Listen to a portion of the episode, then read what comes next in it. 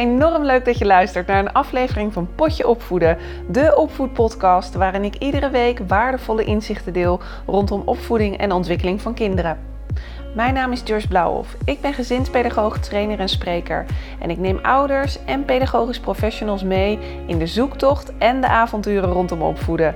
Dit is jouw wekelijkse inspiratie en steuntje in de rug, de Potje Opvoeden podcast.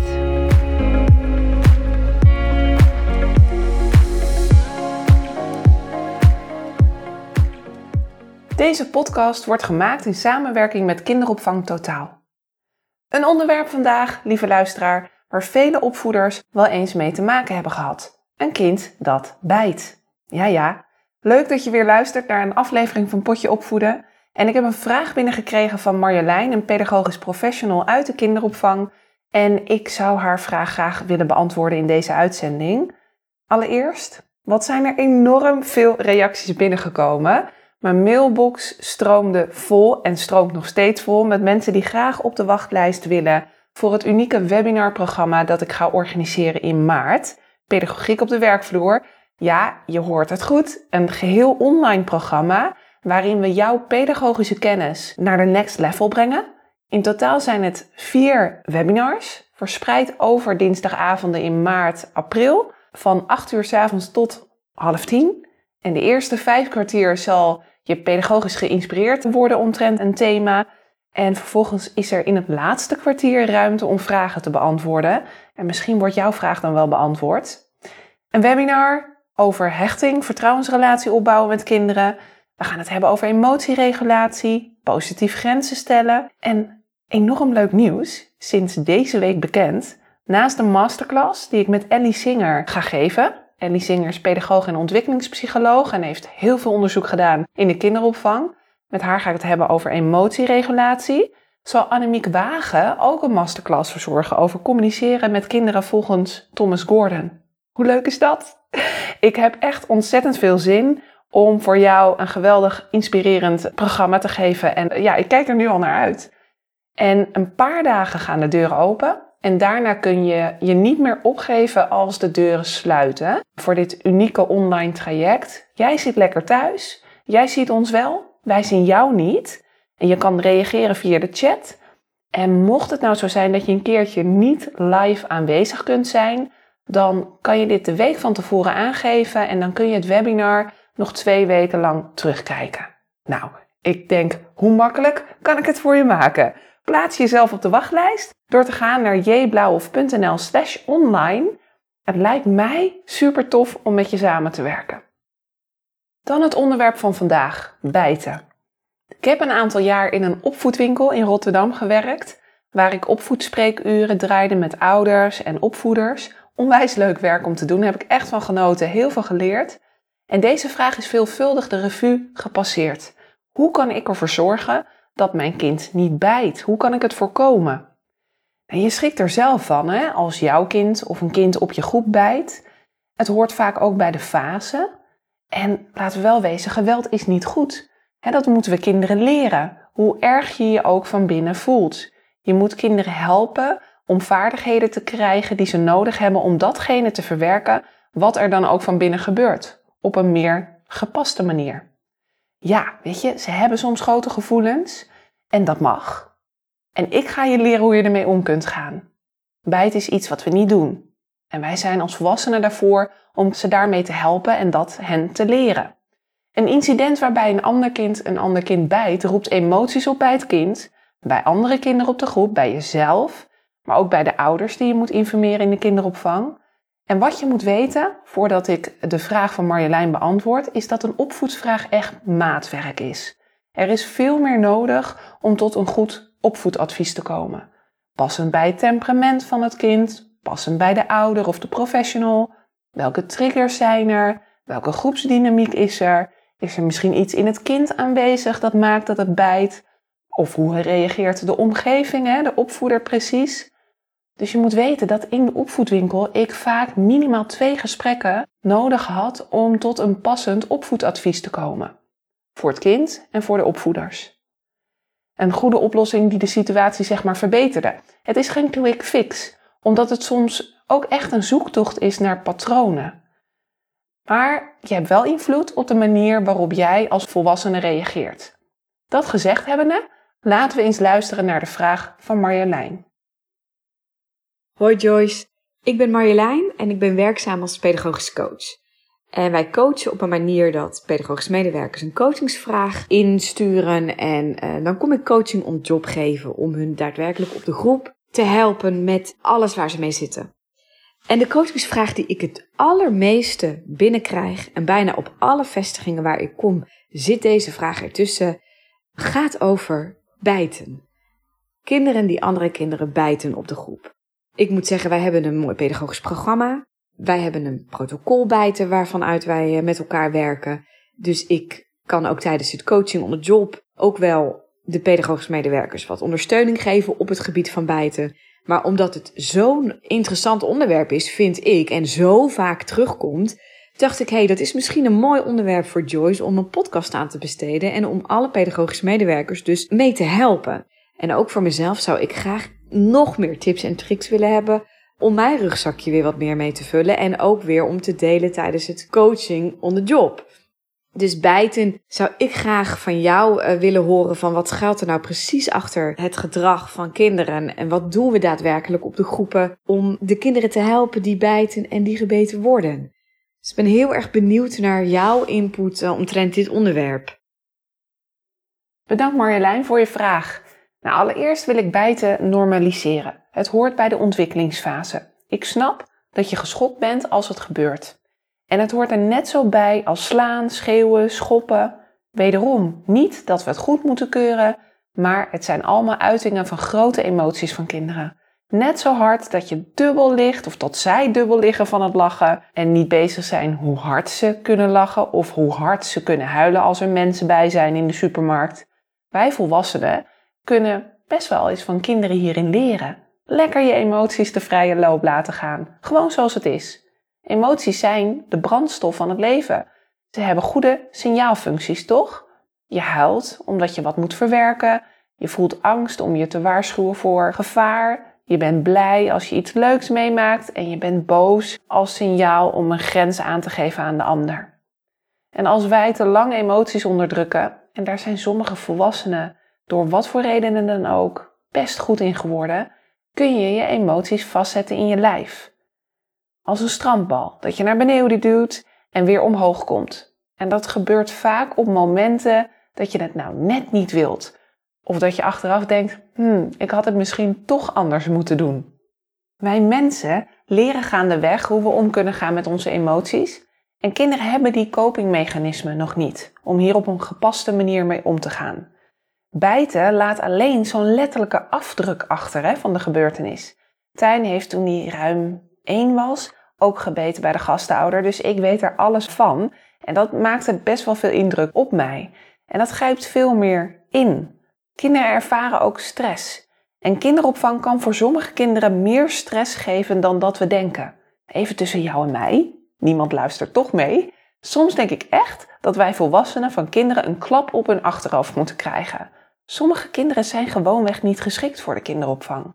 En als we een kind dan een stem zouden geven, zou het misschien zeggen: Yo, uh, pap, mam, ik vind het helemaal niets daar in die groep. Met al die geluiden, die kinderen die aan mij zitten. Ik, uh, het speelgoed dat wordt afgepakt en ik steeds moet delen. Oh ja, en weet je wat ze mij ook aan doen daar op die groep? Slapen op een zaal met tien andere kinderen. Wil jij misschien met me ruilen? Dan slaap ik lekker rustig in jouw bed en dan slaap jij in het bed op de opvang. Begrijp me niet verkeerd, ik ben pro-kinderopvang. Hè? Het is geweldig. Ik bedoel, ik heb er zelf gewerkt. En ik weet welke voordelige effecten het heeft op een kind. Maar stel je voor dat er iets in het kind is. Of het kind ervaart heel veel stress thuis omdat papa en mama steeds ruzie hebben. Of hey, ik word geslagen thuis. Of ik ben gevoelig voor te veel geluid. En daardoor ervaar ik veel stress bij jou op de groep. Ja, dan kan ik me wel voorstellen dat je net dat randje over wordt geduwd en een ander kind bijt als het jouw auto heeft afgepakt ik keur het niet goed, maar ik snap het wel. Want wat zou het toch mooi zijn als Thomas van drie jaar zou kunnen zeggen: Hé hey jongens, toedeledokie, ik ben even een rondje buiten lopen. Ik merk dat het hier wat druk is op de groep. Ik heb het wat druk in mijn hoofd. Ik ben net aan tafel ook al een aantal keer door die Sam getrokken aan mijn mouw. Ik peer hem. Ik loop even een rondje om het gebouw, om mijn hoofd leeg te maken en dan kom ik rustig weer terug op de groep. Nou, stress kan dus ook een hele grote factor zijn. Dat heeft effect op het gedrag van een kind. Het kan dus bijten veroorzaken. En wat ik heb gemerkt, en dat staat ook veelvuldig omschreven in de literatuur, het gebeurt vrij vaak in de leeftijd tussen 1 en 2. En ook vooral respect voor de mensen die werken op een dreumensgroep. Want impulsen zijn niet verstandelijk van kinderen. Er zijn gevoelens en die poppen er gewoon uit. En het dan bespreken met een dreumes heeft geen enkele zin. En een peuter die van tussen 2 en 4 wat ouder begint te worden, heeft het zeker steeds meer effect. Maar weet ook dat peuters hun impulsen nog niet kunnen controleren. Ook zij, ook die grote gevoelens, poppen er gewoon uit. En als ze agressief zijn, dat is een teken dat ze oncomfortabel zijn. En dan gaat het erom dat we erachter komen wat er achter het gedrag zit. Nou, een kind kan dus bijten door stress. Het communiceert of uit moeilijke gevoelens, zoals frustratie, woede, verwarring, angst. Bijvoorbeeld, er zijn hier te veel kinderen, ik voel me gespannen. En ze vertrouwen in de eerste plaats op geluiden en acties om te communiceren wat ze denken en voelen. En bijten is een van die manieren waarop dreumen en peuters hun behoeften, verlangens of gevoelens laten blijken. En het bijten zelf is natuurlijk heel frustrerend. Maar een kind doet dat niet doelbewust om te irriteren of pijn te doen. Eigenlijk wil het communiceren: ik ben bang of ik ben gefrustreerd. En ik snap ook dat je je zorgen kan maken om het bijten, omdat het ook ernstige verwondingen met zich mee kan brengen. Zoals ik net al benoemde, er blijft letterlijk een afdruk achter op die wang bijvoorbeeld. Tijn heeft dat ook een aantal keer gedaan bij de gastouder. Hij was toen net één en het werd mij verteld en ik zag het natuurlijk ook. En ik voelde als moeder direct een gevoel van onmacht. Ik dacht, wat erg, wat kan ik doen? En ik merkte ook dat het direct eigenlijk een gevoel van, ben ik een slechte ouder? Hoe kan ik dit fixen? En dat hoeft helemaal niet. Dus weet ook dat het erbij hoort. En het is vaak ook een fase. En ook in dit geval bleek het een fase te zijn. Je maakt vaak ook veel zorgen, hè? ook over de impact die het heeft op de andere kinderen op je groep, maar ook de ouders, hè? hoe zij jouw kind misschien gaan zien. Nou, andere oorzaken kunnen zijn het doorkomen van tanden.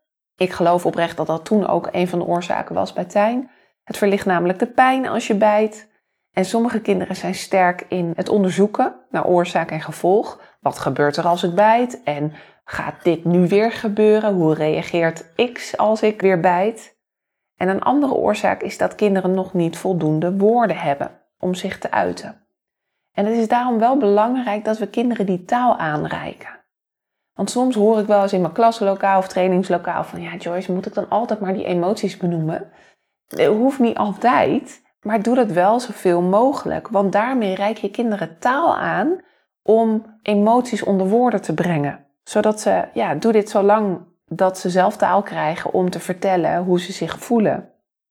En even een inside story. Gisteravond moest ik ontzettend lachen. Ik kon mijn lach echt amper inhouden. Wat zeg ik? Ik heb mijn lach ineens ingehouden.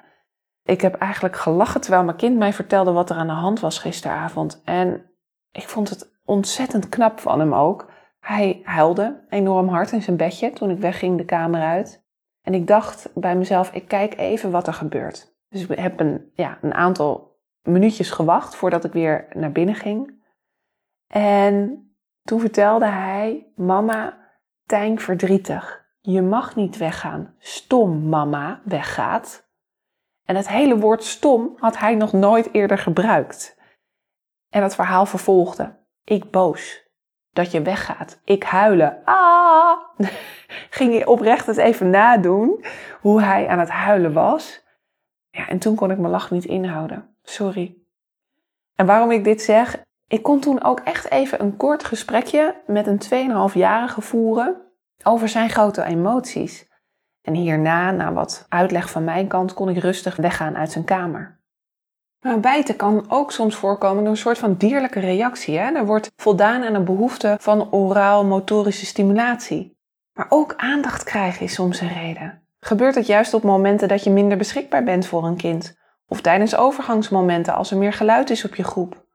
Kind kan ook handelen uit zelfverdediging Of een kind is snel geprikkeld, is moe of hongerig. En dat is eigenlijk de enige impuls die omhoog komt als er iets gebeurt wat het kind niet leuk vindt. En daarbij wil ik ook aangeven dat bijten niet altijd negatief bestempeld hoeft te worden. Het kan ook zijn als een soort van uiting van liefde. als je iemand zo lief vindt dat je wordt overspoeld met liefde, kan je soms toch wel een hapje uit iemand nemen.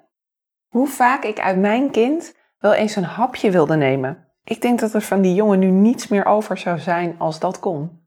Maar wat heeft dan wel zin? Allereerst, kijk eens kritisch naar de hoeveelheid aandacht die het kind krijgt. Is misschien de weegschaal wat doorgeslagen naar meer aandacht geven voor negatief gedrag?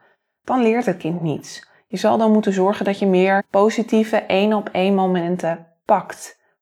En je meer richt op wat er wel goed gaat. Het volgende is dat je echt observeert en patronen ontdekt op de groep. Kijk vooral ook naar wat er vooraf gebeurt. Wanneer vindt het gedrag plaats? Stel jezelf de vraag: waarom juist nu? Wees dus echt een detective. En als je ziet dat het kind het vooral doet als het moe is, dan weet je dat. Dat het misschien handig is om het niet op het speelkleed te zetten met andere kindjes als ze boekjes gaan lezen bijvoorbeeld. Of gaat het om het ervaren van het gevoel van bijten vanwege tanden die doorkomen? Of gewoonweg de sensatie? Geef spulletjes om in te bijten. Hier mag je wel op bijten en geef bijvoorbeeld een bijtketting of een ring. Of bied knapperig eten als wortels en crackers aan gedurende de dag. Items die passend zijn, zodat er meer wordt voldaan aan de behoefte om te kauwen. En als een kind het niet fijn vindt, als kinderen in zijn of haar zone zijn op bepaalde momenten op de dag, waarbij je dus merkt dat het bijten vaker voorkomt, geef ze dan bewust een rustigere plek aan tafel of in een hoek om lekker hun eigen ding te doen. Wees je daar dus van bewust en begeleid dat goed. Of speel met het kind mee door het te coachen om ideeën van andere kinderen beter te leren begrijpen. Deel en wissel van beurt en communiceer met andere kinderen tijdens een spelmoment. Leer het kind eenvoudige woorden als nee of stop. En dat geeft ze uiteindelijk weer taal om in plaats van bijten de taal te kunnen gebruiken om hun behoefte aan te kunnen geven of hun grens aan te kunnen geven als ze willen dat een kind iets niet doet. En wat doe je dan als het gebeurd is, het bijten? Te groot laat zijn en dat is de grootste uitdaging ook. Erken dat het kind iets niet wil. Het is ook niet voor altijd, hè? Als je kind lijkt te bijten wanneer het bijvoorbeeld gefrustreerd is, kun je zeggen: Je bent erg boos en je wilt dat speeltje. Ik laat niet toe dat je bijt, want dan heeft Thomas pijn. Zie je dat? Thomas huilt, omdat hem dat pijn doet. Ik zal er zijn om je te stoppen. Of je kan dan de bijtering geven, de bijtketting. Je wilt bijten, hier heb je iets om in te bijten. Dus het is wel degelijk belangrijk dat je ferm en krachtig zegt dat het niet mag. En dat je vooral inzoomt op wat het doet met de ander. En focus dan je aandacht op het kind dat is gebeten. Natuurlijk gezien, of ja, je bent wellicht geneigd om veel aandacht te geven aan het kind, het gesprek aan te gaan waarom het niet mag, of een consequentie te geven, maar daardoor geef je alleen maar meer aandacht aan het gedrag wat je helemaal niet wil zien. Door je aandacht te focussen op het kind dat gebeten is, kan het kind ook zien dat het kind verdriet heeft. En misschien kan je het kind ook laten helpen om het te troosten. Je kan zelf ook aangeven: Ik vind het echt heel vervelend voor je dat dit is gebeurd. Sorry. Bijten doet pijn, hè? En daarbij ben je ook weer een soort van rolmodel voor het andere kind. Een soort van voorbeeld die, ja, hoe je excuses maakt aan elkaar. En vervolgens kan je het kind dat gebeten heeft andere manieren aanleren. En als dit lang aanhoudt, blijf geduldig. Het kan best wel een tijd duren voordat een kind dit leert. En soms kan je ook gewoonweg een kind niet uit het oog verliezen. Ik heb zo vaak meegemaakt dat ja, het echt flink aantal keren op een dag voorkwam dat een kind gewoon eigenlijk de volwassene telkens naast hem of haar nodig had. Dus op het moment dat je gaat verschonen, weet dan dat je het kind misschien even aan tafel moet zetten. Of dat je misschien ander materiaal kan aanbieden, waarmee dat brein van kind weer geactiveerd wordt om ja, weer gefocust te zijn eigenlijk. Om niet snel afgeleid te zijn. Doe dat vooral op de meest kwetsbare momenten. Dus zet dan speelgoed neer dat het kind ontzettend intrigeert en getriggerd is om hoge spelbetrokkenheid te laten zien. En doe dat alleen, bied dat materiaal alleen aan op die momenten. En ik wil het toch maar even benoemen. Ik heb wel eens teruggebeten en dat hielp. Dat eh, zijn sommige opvoeders die dat kunnen zeggen. Ik snap zelf niet zo goed waar dit vandaan komt. Maar goed, dit is meer de manier waarop ik er naar kijk. Als je terugbijt, dan veroorzaakt dit verwarring en heftige angst bij een kind. En je leert dan eigenlijk dat fysiek geweld goed is. Ik denk dat je kinderen juist wil leren dat er andere manieren zijn om problemen op te lossen. En mocht je er nou echt niet uitkomen met het bijten, het is altijd goed om extra hulp eh, te zoeken bij professionals als je er niet uitkomt.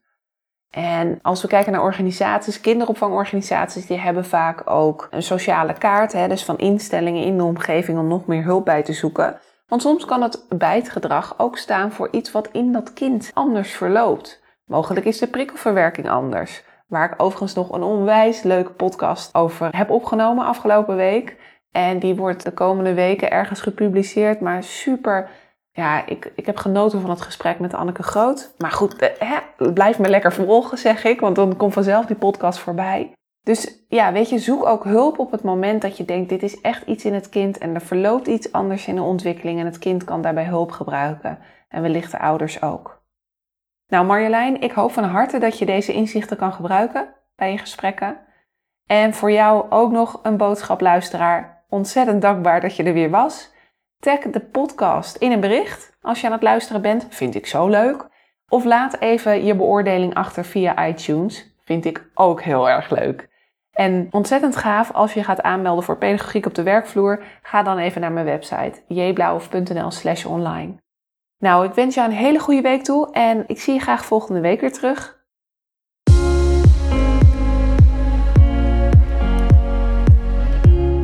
Hey, wat ontzettend leuk dat je hebt geluisterd. Bedankt daarvoor. Nog een paar dingen die ik graag met je wil delen. Wil je alle afleveringen overzichtelijk onder elkaar? Abonneer je dan op deze podcast. Klik in jouw podcast-app op de button subscribe of abonneren en je ontvangt dan automatisch een berichtje als er een nieuwe aflevering online komt. Mijn missie is om zoveel mogelijk ouders en pedagogisch professionals te helpen bij het opvoeden van kinderen. En om mijn missie te bereiken, helpt het als jij een review wilt achterlaten via de app waarmee je deze podcast luistert. Ken je nou iemand voor wie deze aflevering interessant is? Dan zou het fijn zijn als je hem of haar deze aflevering doorstuurt, door bijvoorbeeld de link te kopiëren in Spotify. Ik zou het ook gaaf vinden als je een screenshot deelt als je deze podcast luistert en deelt via social media vind het altijd leuk om een berichtje van je te ontvangen. Om te horen wat je van deze podcast vindt en of je misschien zelf vragen of suggesties hebt. Stuur mij een berichtje via mijn website jblauwhof.nl. Dat is kleurblauw en hof met dubbel F. jblauwhof.nl of via mijn Instagram pagina Joyce Blauwhof. Tot de volgende aflevering.